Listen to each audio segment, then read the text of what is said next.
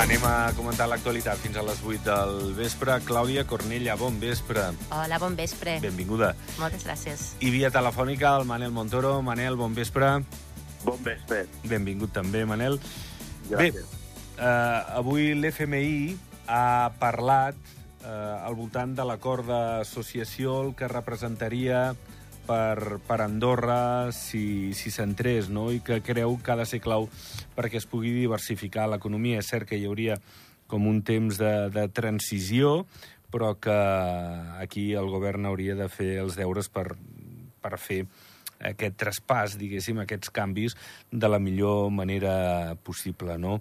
Eh, ha parlat de possibles friccions també que pot tenir el país, eh, per exemple, la problemàtica de l'habitatge, eh, però bé, és una cosa, Clàudia, i tu quan estaves en càrrecs importants al, al govern, en parlàvem i venim parlant des de fa molts anys, diversificació de l'economia, eh, que és una cosa molt reiterada, i el Fons Monetari Internacional torna a dir això, que, que Andorra ha de ser molt oberta de mires i, i prendre decisions en això.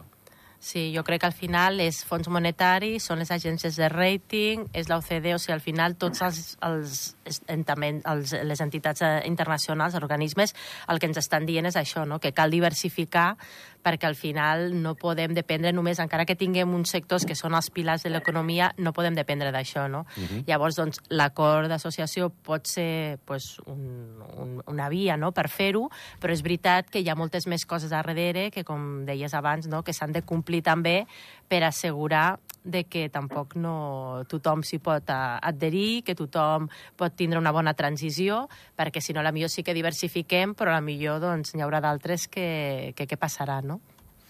Manel. Bé, ja fa temps que se'n parla d'això. Um, a mi sempre m'havien dit els economistes d'Andorra de que si entrem a la Unió Europea els nostres uh, bancs avui dia són molt potents, a més per les característiques que tenim, però que mm, si entréssim en aquest mercat global i l'FMI o la Unió Europea eh, intervenís, els nostres bancs serien com caixes. És a dir, som un país molt petit, que sí que ara tenim unes característiques que fan que els nostres bancs siguin potents, però mm, que és algo o quelcom que, que, que els bancs o els dirigents dels bancs a mi em comenten, no? De dir, si entrem amb tot aquest acord d'associació, els nostres bancs, al final, mm, a, a, a X temps, no ara, però a X temps, quin poder tindrien?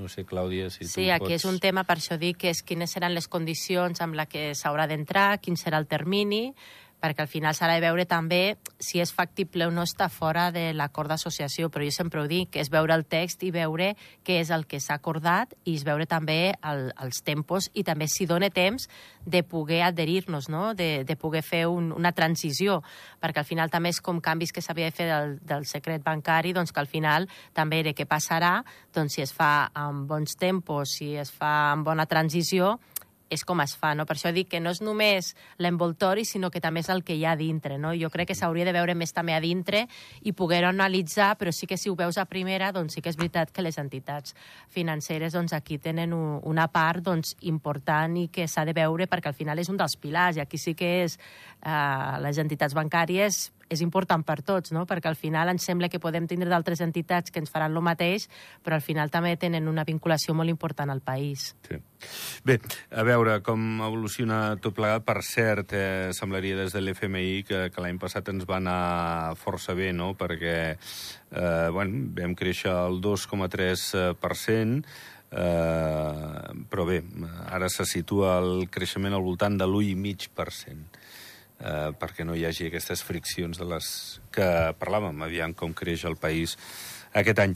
Escolteu, eh, sobre el desnonament d'aquesta de, padrina, aquesta senyora, recordar que era d'un edifici que sembla, i ens va dir l'advocat de Gref, del youtuber, que ja no és seu, no és de la seva propietat, que l'hauria venut el 18 de gener, però bé, no, això no exclou que la nova societat, el nou comprador, doncs s'ha de fer càrrec d'aquestes millores que, que diu la sentència que s'han de dur a terme i que han de permetre a la senyora seguir vivint aquí. Eh, bé, la, la coordinadora per un habitatge digne se n'alegra d'aquesta sentència que dona la raó a la padrina. Bé, aquí poca cosa potser podem dir, no?, que, que bé, que la justícia ha arbitrat sobre aquest litigi, no? I, bé, eh, ens alegrem per la padrina, però, però evidentment no sabem ben bé, doncs, eh, l'altra part que, que sent, no?, en aquest moment, sí, a través del seu advocat, però no, no sabem si està massa content. Sí, és difícil perquè tampoc no, no sabem, no? com dius, sí. que, que és el, el, que, el que sent l'altra part, no? però al final sí que és veritat que quan hi ha tots aquests temes no s'ha d'anar també pensar en les persones no? que estan visquent a dintre i fer-ho doncs, de, de la millor manera, no? perquè és veritat doncs, que ara, tal com està l'habitatge, doncs, aquest pot ser un cas, però poden haver-n'hi d'altres, no? de què passarà quan es vulgui pues, vendre un edifici o es vulgui millorar i hi ha gent a dintre i, i que a la millor no poden assumir pujades de, de, de, de lloguers, no? I, bueno, una mica, doncs, veure també a nivell de justícia doncs, què es pot fer, i al final són les dues parts, no? Perquè aquí també cadascú tindrà el seu a dir, però, bueno, també aquí hem de veure les persones, no?, i què, què podem fer. Manel. Bé, jo el que penso és, evidentment, eh, hi ha dues parts, no?, el llogater i el propietari, sempre és molt difícil dirimir entre això, mm, el que és just i el que no és just. Jo quan veig desnonaments o, o persones que no poden arribar a pagar el lloguer o, mm, i que es poden quedar fora de casa, mm, crec que estem arribant a un món que és molt dur per moltes persones, quan tots sabem de que avui dia el món no està funcionant bé. Eh, per tant, és molt difícil emetre un judici de valor sobre una qüestió que és entre propietari i llogater, però sí que crec que el món està tirant cap a una agressivitat eh, sobre aquell qui no pot mm, complir les seves obligacions i també entenc el propietari mm, hem de, jo crec que sempre hem de fer la diferència entre els grans propietaris i que especulen i els petits propietaris.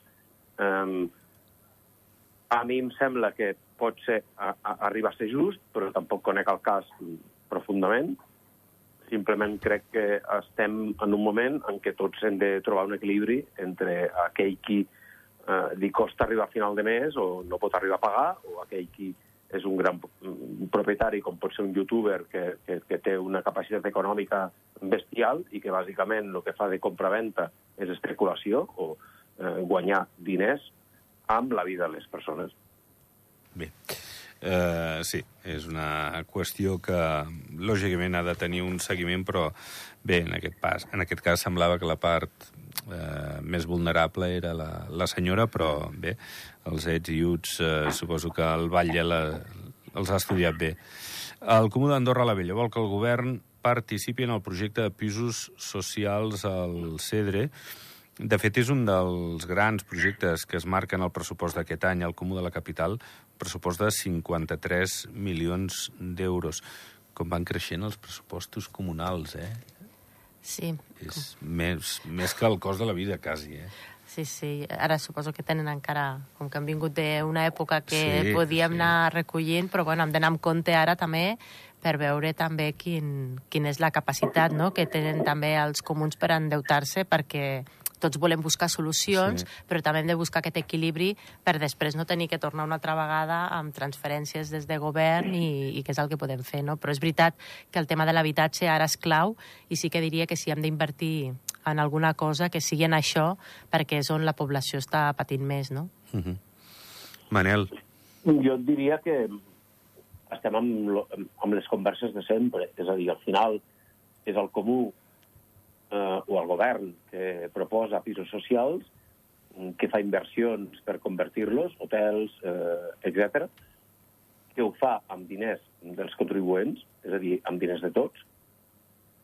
Eh, per tant, hi ha la part privada, que ja sabem que Andorra la propietat privada sagrada, però al final estem creant pisos socials amb els impostos de tots.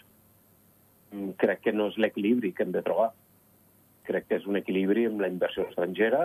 Avui llegia de que els impostos que s'han eh, generat o creat amb les noves lleis no frenaran aquesta inversió estrangera a nivell immobiliari i, per tant, estem creant pisos socials amb els diners de tots. Bueno, al final crec que també ho haurem d'equilibrar, perquè tampoc no serà possible fer-ho tot amb, amb el privat, que jo també estic d'acord que ho facin des del públic, però que és veritat que s'ha de fer un seguiment dels pressupostos i veure també fins on es pot arribar, perquè tampoc no suposi un problema després per, per lo que és el comú, no? Mm -hmm. Clar, perquè després el comú ens dirà pues, us poso sí. els impostos de no Exacte. sé què. Perquè sí, sí. em fa falta més diners. Doncs no estem arreglant res. No, és només si ho equilibren. Si equilibren entre unes despeses, no? redueixen doncs, una part d'alguna altra, no? d'una altra línia i aquesta doncs, la incrementen, doncs si ho equilibren, d'acord, però el problema és veure què estan fent amb les altres línies, no? perquè si no sí que pot ser un problema, com dius, que després es tinguin que pujar els impostos i al final tornem a estar igual, perquè per un costat anem millor, però per l'un altre tornem a, a tindre un problema a, a nivell personal, no? I sí que és veritat, Clàudia, el que deies, no? que segurament durant la pandèmia contricció, eh? una mica eh, números gairebé en vermell i, i poca inversió, i sí que amb l'ajut també de la construcció Clar. de tots aquests impostos s'està invertint molt més als comuns. Estan Exacte. recuperant alegria en la inversió. Per exemple, un altre comú, eh, la Massana, eh, ha tingut problemes, sabeu, aquest estiu, amb el tema de l'aigua. Eh, diu que hi destinarà 8 milions d'euros els pròxims 4 anys en aquest mandat per tal de, de poder millorar en els recursos hídrics, i això inclou també un nou dipòsit. Mm, bueno, poca broma perquè el tema de, de l'aigua, la sequera, eh, jo no sé si només serà el cas de la Massana, però igual tots els comuns haurien de, de posar-s'hi sobre això o no. Home, jo crec que s'hi han de posar i també hem de veure si hem de continuar construint tant o si hem de també fer una mica d'estratègia de veure que fins on podem arribar, no? de veure què és el que tenim ara uh -huh. i fins on podem arribar i a partir d'aquí, si hem de buscar d'altres fonts no? per tindre més aigua, també mm, que ens cobreix, no? perquè al final és això, és un comú, però si són més també podem tindre un problema que sempre hem pensat que l'aigua doncs, no passa res, però veient aquest hivern, el que ha nevat, i el que ens pot passar a l'estiu, doncs la veritat és que, que assusta una mica, no? I al final, si mires, segurament que els comuns que hauran de fer això són els que tenen més construcció. No, i a més que eh, el Comú de la Massana ha dit que vol ampliar la connexió entre Pal, Arinsal, a nivell de pistes d'esquí, eh, connectar-ho a nivell de que es pugui anar esquiant eh, d'una manera millor, diguéssim, entre les dues estacions, però hem de comptar el que tu dius, és a dir, que sí. neva poc, Exacte. Eh, que les connexions requereixen canons de neu, mm, estem en un moment que és complicat, que estem veient que hi ha un canvi radical avui dia. Mm. Avui dia, i aquest any ha sigut al·lucinant el, el, el poc que ha nevat. Veurem què tindrem a la primavera i l'estiu a nivell de restriccions d'aigua, i a part de la construcció, que això ja n'hem parlat moltes vegades, però ara volem connectar més pistes d'esquí, més estacions d'esquí, quan hem, hem fet mans i mànigues per poder eh, celebrar eh, la Copa del Món d'esquí quan no hi havia neu. Hem de ser realistes en aquest sentit.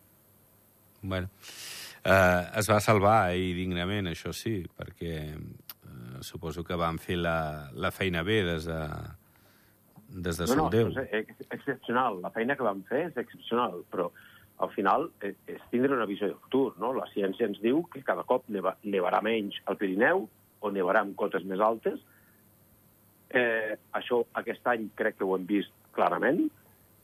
Ara ens ha nevat una mica i tots estem contents, però mm, jo des de Sispony aquest any jo no he tingut que treure la pala i, i, i treure neu.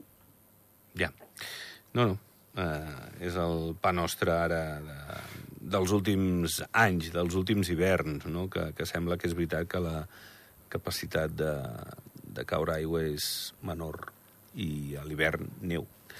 En fi, escolteu, eh, per cert, Grífols, eh, Dolça ha anunciat que portarà a Estrasburg el projecte, ho fa després que el Constitucional hagi tornat a desestimar el recurs contra el pacte de socis, i per cert, Grífols, patacada avui en borsa, un 35%. Sí. Eh, un 35% de pèrdues. Eh, a veure, jo no sé, eh? La, la sensació que em fa tot plegat és que ni per Grífols podria ser interessant això en aquest context, en aquest moment, quan la família també s'ha després de càrrecs de responsabilitat al Consell d'Administració. Eh, no sé, Clàudia, com veieu això?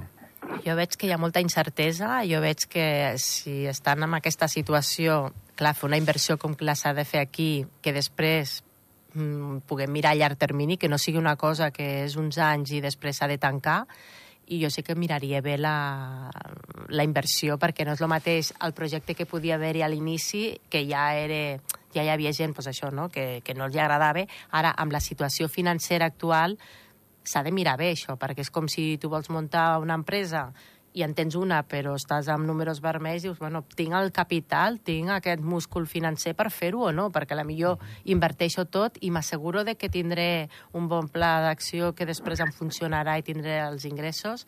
Clar, i al final ens venen aquí també que som nosaltres també els que també hi haurà una part d'aquí, no? Llavors, mm, és arriscat. Jo crec que és un tema que s'ha d'analitzar, no? És com qualsevol inversió, és veure i a la millor pues, ahir tenies una foto i avui en tens una altra. Jo crec que des de tot el que ha passat s'ha de fer un seguiment i s'han d'anar mirant els números.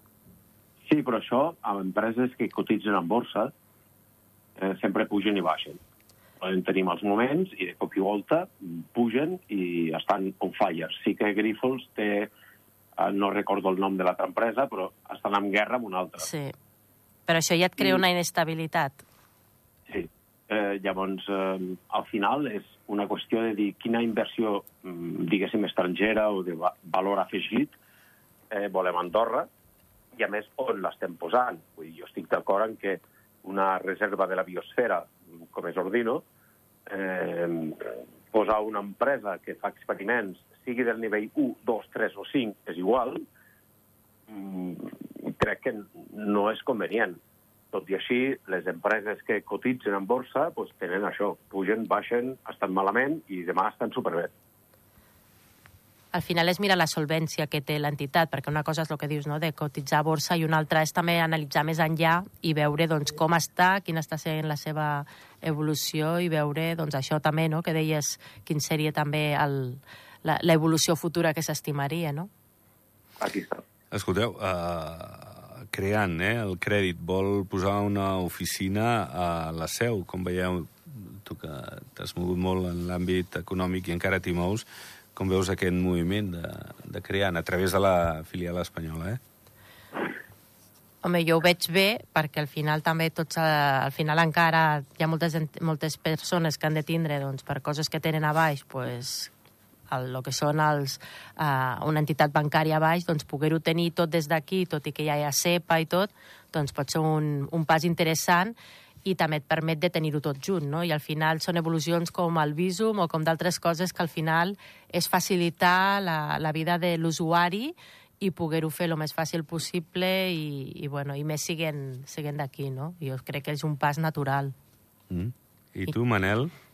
Sí, jo estic d'acord amb tot això. És evident de que els nostres bancs, que fins ara han estat, diguéssim, molt tranquils, entre cometes, no? perquè teníem el sistema econòmic o la fiscalitat que teníem, eh, s'han d'internacionalitzar i han de sortir fora, perquè és el que deia. Vull dir, si arribem a un acord d'associació, el, sí que hi ha una moratòria, però al final bancs estrangers podran entrar a Andorra i un cop se'ns acabi aquestes eh, excepcions que nosaltres tenim, els nostres bancs no tenen poder suficient com, com per mm, competir amb BBVA o amb altres bancs mm, que podran mm, fer competència als nostres bancs.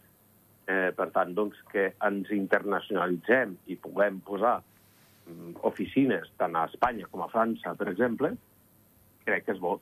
Mm -hmm. I a més amb retail, que fins ara era això, que no, no estaven. comercial, no? Mm, Banca comercial, exacte. petit comerç, sobretot, Mm. i minorista. Sí, però crida l'atenció que sigui la seu i no sigui a Barcelona o sigui a algun altre lloc, no? És que jo crec que és Bueno, de proximitat. Sí, i els andorrans que estan a la Clar. seu, doncs ja igual n'hi han de desplaçar-se a, a Andorra. Bé, bé, no, no, són estratègies eh, comercials i, i evidentment, els bancs eh, saben bastant el que fan, eh? Vull dir que no, no perden dinerons, no, no, no, no. no. Bé, eh, avui és el dia de les malalties minoritàries, més de 100.000 malalties minoritàries, eh? És de bojos i, i clar, no hi ha diners per a tots, eh, els malalts d'aquestes malalties per, per la investigació i moltes vegades costa molt detectar-les. És un drama, eh?, per la persona i també per l'entorn, no? Doncs sí, és... No és jo no m'agrada dir que és una desgràcia perquè al final són coses que ho veus i al final ho has de viure el millor possible per poder tirar endavant, però és veritat que quan et passa una cosa així està molt bé que hi hagi associacions i que cada vegada tot això es faci més visible per haver-hi doncs, més accions i que no només sigui pues, la sanitat que tingui que posar diners, sinó que també àmbit privat i tot doncs, també es pugui participar, perquè al final moltes vegades és això, són famílies que a la millor tampoc no tenen tots els recursos i quan són malalties així que, són, que, no, que no són tan conegudes, que són més estranyes, clar, igual no hi ha tampoc molts estudis, has d'anar lluny, i tot això suposa, a més, a nivell emocional, també és al nivell de diners. No? Jo que estic a l'associació Alada i que ens veiem amb les altres associacions i moltes vegades doncs, em veig amb, amb elles, jo a, l'escoltar-ho i veure tot encara te'n dones més compte de tot el que suposa, no? perquè moltes vegades tampoc això no ho sabem, no se sent tant si no, si no ho tens a casa, i crec que és molt important tota la comunicació i tota la informació que s'està fent, perquè realment és, és algo que sembla com que és minoritari, però cada vegada afecta més gent, perquè cada vegada hi ha més malalties que són minoritàries, però diferents, no? Mig minut, Manel. Uh, mig minut, doncs bé, al final les malalties minoritàries és una qüestió de finançament i de repercussió econòmica.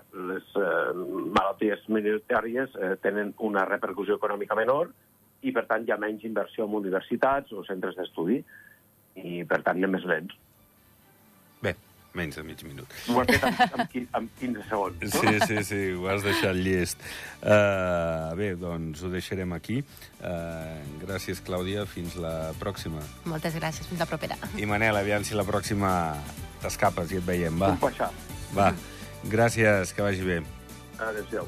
Doncs pleguem veles, ho deixem pel que fa aquest dijous, el darrer dia d'aquest mes de febrer. Demà i tornem. Gràcies per ser amb nosaltres, que vagi molt bé. Bon vespre. Adéu-siau.